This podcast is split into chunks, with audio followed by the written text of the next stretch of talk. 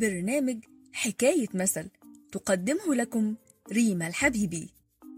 من وأنا صغيرة وجارتي كل ما تشوفني تحكي لي على أخواتها اللي دايما بيهدوها حاجات هي أصلا مش بتحبها ولا حتى بتستخدمها.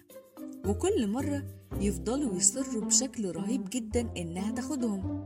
فتاخدهم وبكل زهق تقول لو كان في خير ما كانش رماه الطير. لحد ما في مرة قلت لها خير إيه وطير إيه بس يا بنتي؟ إيه الحكاية؟ فقالت لي بكل غيظ ده مثل قديم كده ما تاخديش في بالك. بس أنا مسكتش وفضلت أدور لحد ما عرفت أصل الحكاية. تعالوا أحكيها لكم. زمان كان في عادة تدريب الصقور على الصيد وطبعا العادة دي لسه موجودة معانا لحد النهاردة. وفكرتها ببساطة إن الصقور بتتدرب على صيد الطيور السمينة وكان شيوخ العرب بيطلقوا الصقور ويستنوا لما يرجعوا مرة تانية بطير ثمين وعظيم إلا طير واحد بس هو البومة.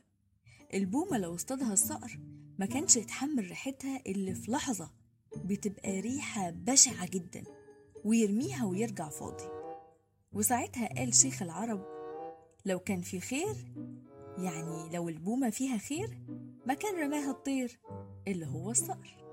بس يا ستي ومن ساعتها وبقى مثل شائع ومعروف جدا في الموقف اللي فيها الواحد بيحس بالأسى من حد اداله حاجة وهو مش مرتاح له.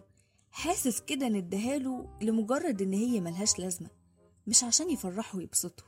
قولولنا بقى كام مرة قلتوا المثل ده في حياتكم؟